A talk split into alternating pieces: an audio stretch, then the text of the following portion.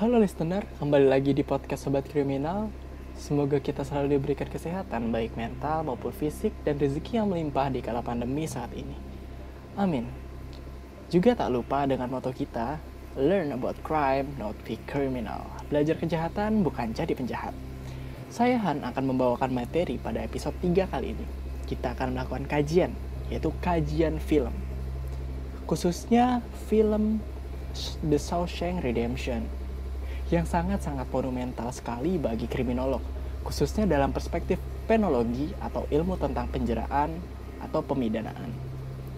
Sebagian besar dari kita memandang penjara atau lembaga permasyarakatan adalah sebuah tempat yang menakutkan, tempat yang tidak bersahabat, dan tidak menyamankan. Dalam film ini, banyak hal yang dapat kita kaji tentunya, dari illness of prison hingga nilai-nilai kemanusiaan dalam lapas. So, kita lanjut fokus ke fokusnya ke dalam film. Bagi yang belum nonton, saya sarankan untuk menontonnya terlebih dahulu ya. Soalnya pada podcast ini pasti akan banyak spoiler yang tentunya bagi yang belum nonton itu cukup mengesalkan istilahnya. Jadi, saya sarankan untuk tonton dulu ya. Oke, kita akan sedikit bahas tentang karya film The Shawshank Redemption yang memiliki rating 9,3 di IMDb selama 26 tahun hingga saat ini. Dan selama itu juga, film ini masih memegang film terbaik sepanjang masa loh. Yaitu, itu versi IMDb. Oh ya, uh, IMDb sendiri itu adalah singkatan dari International Movie Database adalah situs yang memberikan rating terhadap kualitas dan performa suatu film di seluruh dunia. Tidak mengherankan kalau film ini begitu fenomenal dan menjadi pemegang titel film terbaik sepanjang masa. Oke, jangan banyak basa-basi, kita masuk ke dalam plot film.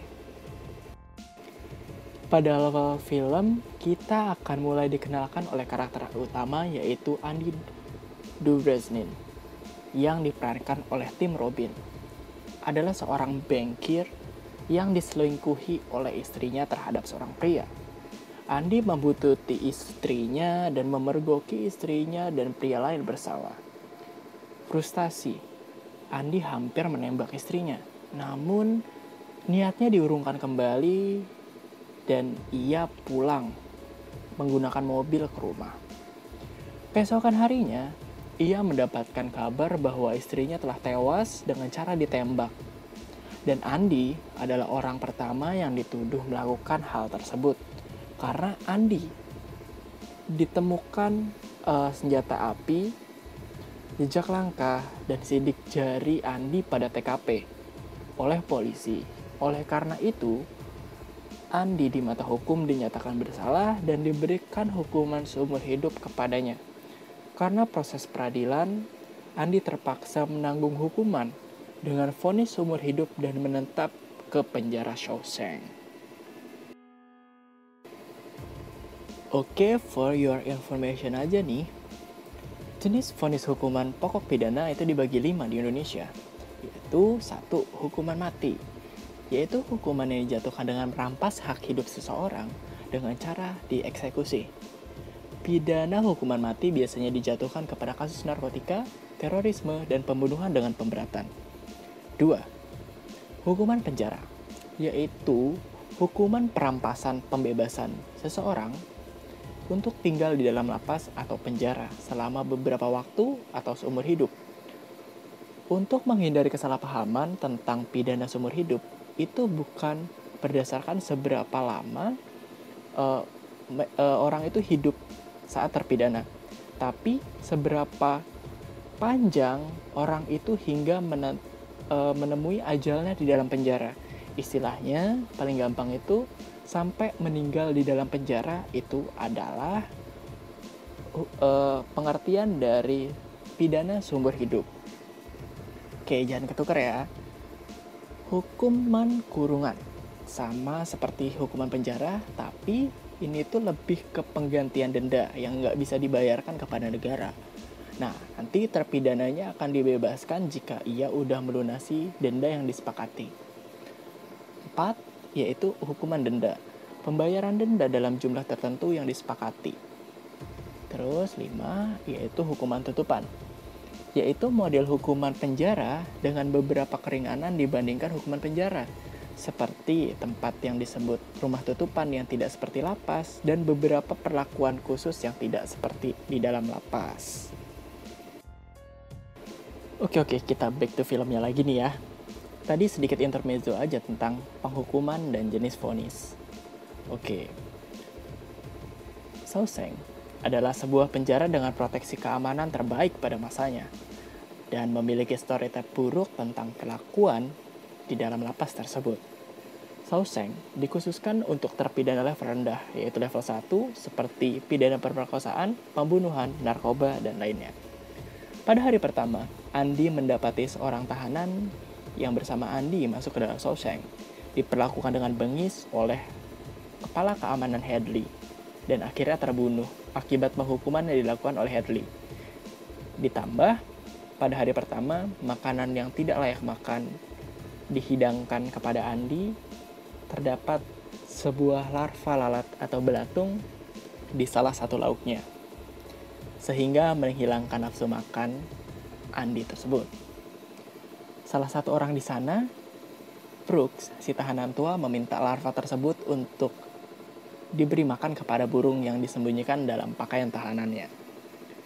Di Sauseng, Andi pada awalnya tidak memiliki teman Hingga beberapa bulan, ia mencoba berbicara kepada Red yang diperankan oleh Morgan Freeman, yaitu seorang narapidana yang menetap lebih lama di Sauseng sebagai portir napi untuk membawa barang masuk ke dalam lapas. Semenjak itu, Andi dan Red berteman akrab. Ketika masuk Sauseng, Andi disukai oleh grup K, yaitu The Sister, Hingga di suatu scene di mana Andi melawan mereka, menjadi korban pelampiasan mereka, dan sering pulang ke sel dalam keadaan yang babak belur, masuk ke dalam sel isolasi untuk menghindari mereka. Kejadian tersebut diketahui oleh kapten penjaga Hadley. Hadley menghajar Box, pemimpin The Sister. Motif tersebut dilakukan Hadley karena Andi adalah orang yang berjasa dalam membantunya dalam mengelola pajak warisannya hingga mengelola uang penjara. Dalam situasi sulit, Red memberikan hadiah poster aktris kesukaan Andy, yaitu Rita Hayworth, yang dipasang di dinding sel dan menutupi sebuah misteri di baliknya. Hingga ia bertemu lagi ke, dengan Brooks, tahanan tua penjaga perpustakaan penjara. Andy mendengar keluh kesahnya hingga mencari saran dan keterampilannya untuk mengedukasi orang-orang lapas Sauseng untuk merenovasi perpustakaan penjara dengan mengirimkan surat ke pemerintah negara bagian tiap minggu. Scene ini cukup sentimental di mana akhirnya perjuangan Andi untuk memperbaharui atau merenovasi perpustakaan itu dihadiahkan kepada orang-orang di dalam lapas dengan memberikan uh, sebuah alunan lagu dari Mozart yaitu The Marriage of Figaro di speaker. Momen-momen ini tuh sangat sentimental sekali. Side story tentang Brooks yang cukup sentimental nih. Brooks adalah tahanan tua yang menghuni perpustakaan penjara. Mendapatkan bebas bersyarat setelah kurang lebih 50 tahun di penjara Shawshank. Namun, ia tidak merasa bahagia dengan keputusan tersebut. Ia juga merasa bahwa ia bukan tipe orang yang bisa menyesuaikan diri lagi. Karena frustasi, ia akhirnya menggantung dirinya di kamar flat sementaranya. Penjara merupakan sebuah ekosistem yang sudah tidak dapat tergantikan lagi olehnya. Oleh karena itu, Brooks memilih untuk mengakhiri dirinya karena tidak dapat mengikuti perkembangan dunia. Kembali ke dalam lapas Hoseng. Andi adalah orang yang sangat menyukai batuan-batuan kecil. Oleh karena hobinya itu, Andi sering mencari batu dan digunakan untuk dipahat atau dibuat kerajinan seperti pion batu dan lain-lain. Itu membuat Red mencarikan palu kecil tanpa prasangka buruk terhadap Andi. Keahliannya tersebut ditambah Andi yang ramah, baik, dan penurut terhadap Red membuatnya berpikir bahwa Andi mulai bersahabat dengan penjara Sauseng. Saya mengutip sedikit dialog dari Red. Ketika Anda sudah nyaman di suatu tempat, maka Anda akan menjadi bagian dari ekosistem tersebut. Andi semakin kemari semakin dikenal karena ia mulai berhasil menyelesaikan masalah sipir yang ingin membeli mobil tanpa terkena pajak. Andi mulai mendapatkan perhatian dan kepercayaan dari kepala sipir Norton, yang kemudian kepala sipir ini mendepositkan uang dan hartanya untuk menghindari pajak. Ia disuruh Andi mencuci uangnya dengan nama Randall Stephen. Andi memulai strategi untuk mencari celah sambil menutupi kepalsuan kepala sipir tersebut. Namun, Andi secara ideologis menolak. Setelah diketahuinya bahwa kepala sipir Norton mengeksploitasi tahanan untuk pekerjaan umum, seperti melapis aspal, mencuci baju, dan pekerjaan-pekerjaan lainnya. Mendapatkan keuntungan dengan memangkas biaya buruh terampil dan menerima suap. Pada akhirnya, Andi dikurung kembali ke dalam sel isolasi karena menolak da, e, keinginan dari kepala sipir Norton kepala sipir yang korup ini membuat suatu rencana agar Andi tidak terbebas dari Sauseng.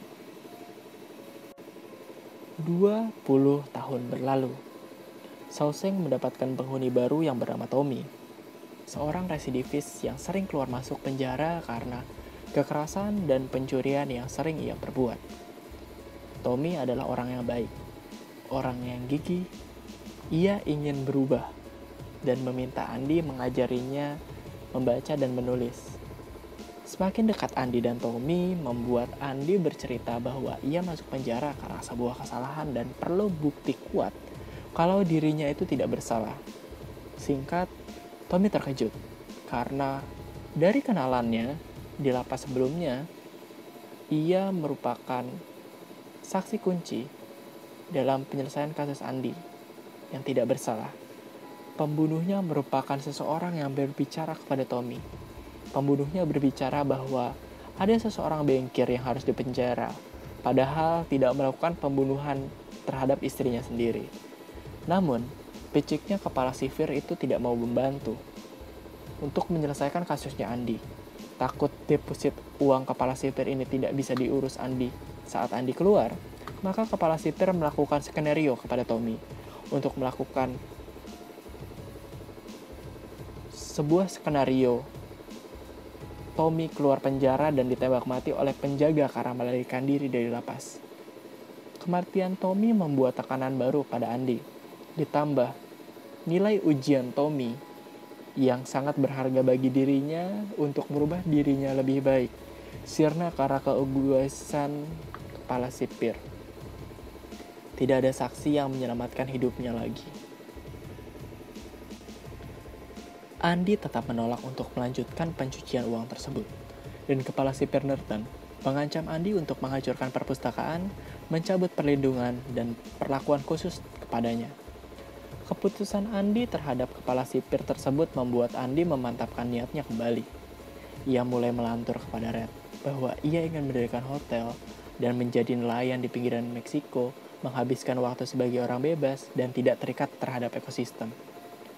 Red takut apabila Andi melakukan hal-hal yang bodoh. Andi juga bercerita bahwa sebuah pohon di pinggiran kota. Jika Red keluar Sauseng, ia harus mengunjungi pohon tersebut karena pohon tersebut merupakan tempat ia melamar istrinya. Juga terdapat sebuah paket di tepian pohon tersebut. Meski Red tidak menyebutkan secara realistis, Red tetap mendengarkannya. Sampai suatu ketika pada absen pagi berikutnya, sel Andi kosong.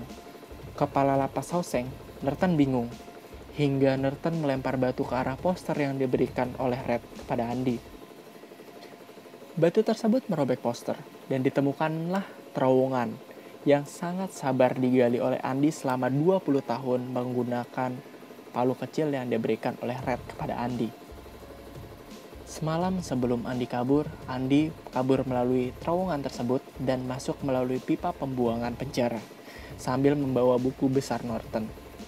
Buku yang berisi tentang rincian pencurian dan pencucian uangnya selama ini, buku tersebut sampai di tangan polisi, lengkap dengan bukti korupsi dan pembunuhan.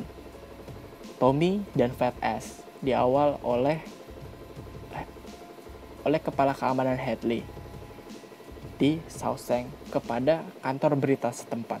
Keesokan harinya, Andy menyamar sebagai Randall Stephen untuk menarik seluruh uang cuciannya tersebut.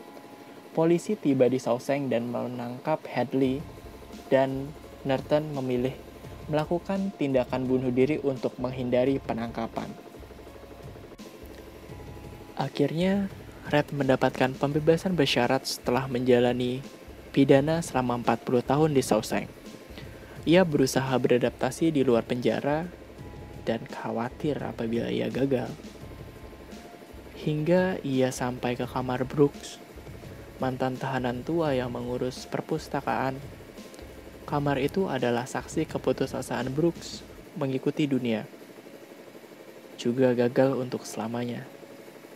Selama beberapa bulan, Red teringat janjinya kepada Andy pengunyi pohon di Buxton untuk menemukan paket yang berisi uang dan surat yang ditulis Andi.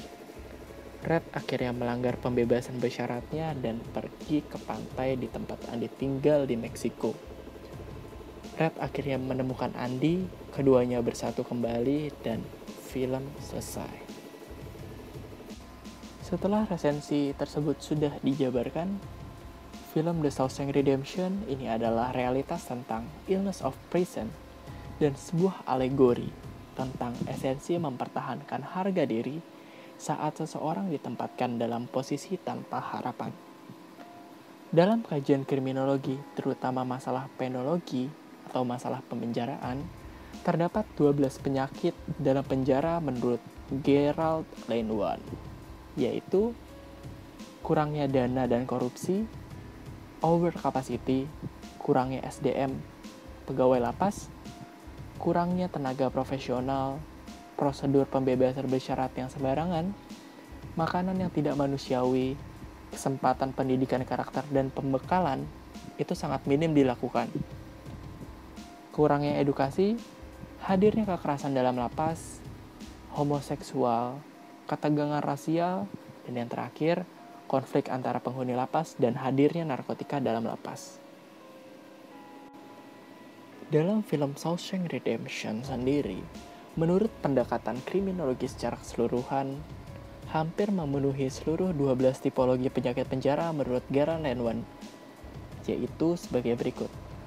Poin pertama, kurangnya dana dan korupsi.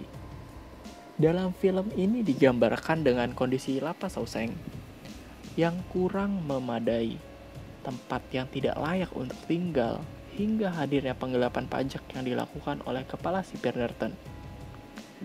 Poin kedua adalah kurangnya memadai pegawai lapas, khususnya tentang penyelesaian masalah menggunakan kekerasan. Pada awal film, kita dihidangkan oleh aksi penyiksaan Fat S oleh kepala keamanan Hadley yang menyebabkan kematian si Fat S. Fat S ini adalah orang yang bersama Andy masuk ke dalam Sauseng awal-awal. Ketiga, prosedur pembebasan bersyarat yang sembarangan.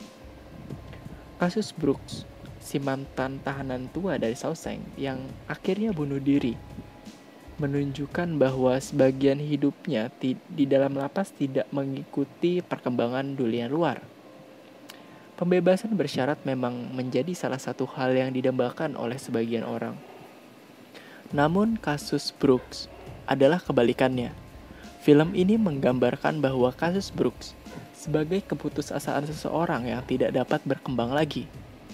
Kita tidak dapat memungkiri faktor tersebut. Di sebagian lapas, bahwa ada beberapa residivis yang keluar masuk penjara karena merasa mereka hidup lebih layak dan lebih nyaman dalam penjara dibanding di dunia luar. Poin keempat, makanan yang tidak manusiawi. Ditunjukkan saat pertama kali Andi memakan makanan yang dihidangkan, menunjukkan bahwa makanan tersebut tidak layak ya ada larva lalat di sana membuat Andi tidak meneruskan makan dan tidak bisa dicap sebagai makanan yang enak dan manusiawi kan? Next, poin kelima. Kesempatan pendidikan karakter dan pembekalan konstruktif yang sangat minim. Sangat jelas sekali, bahkan kepala sipir mempersulit Andi untuk terus mengedukasi masyarakat lapas untuk belajar baca tulis dalam lapas.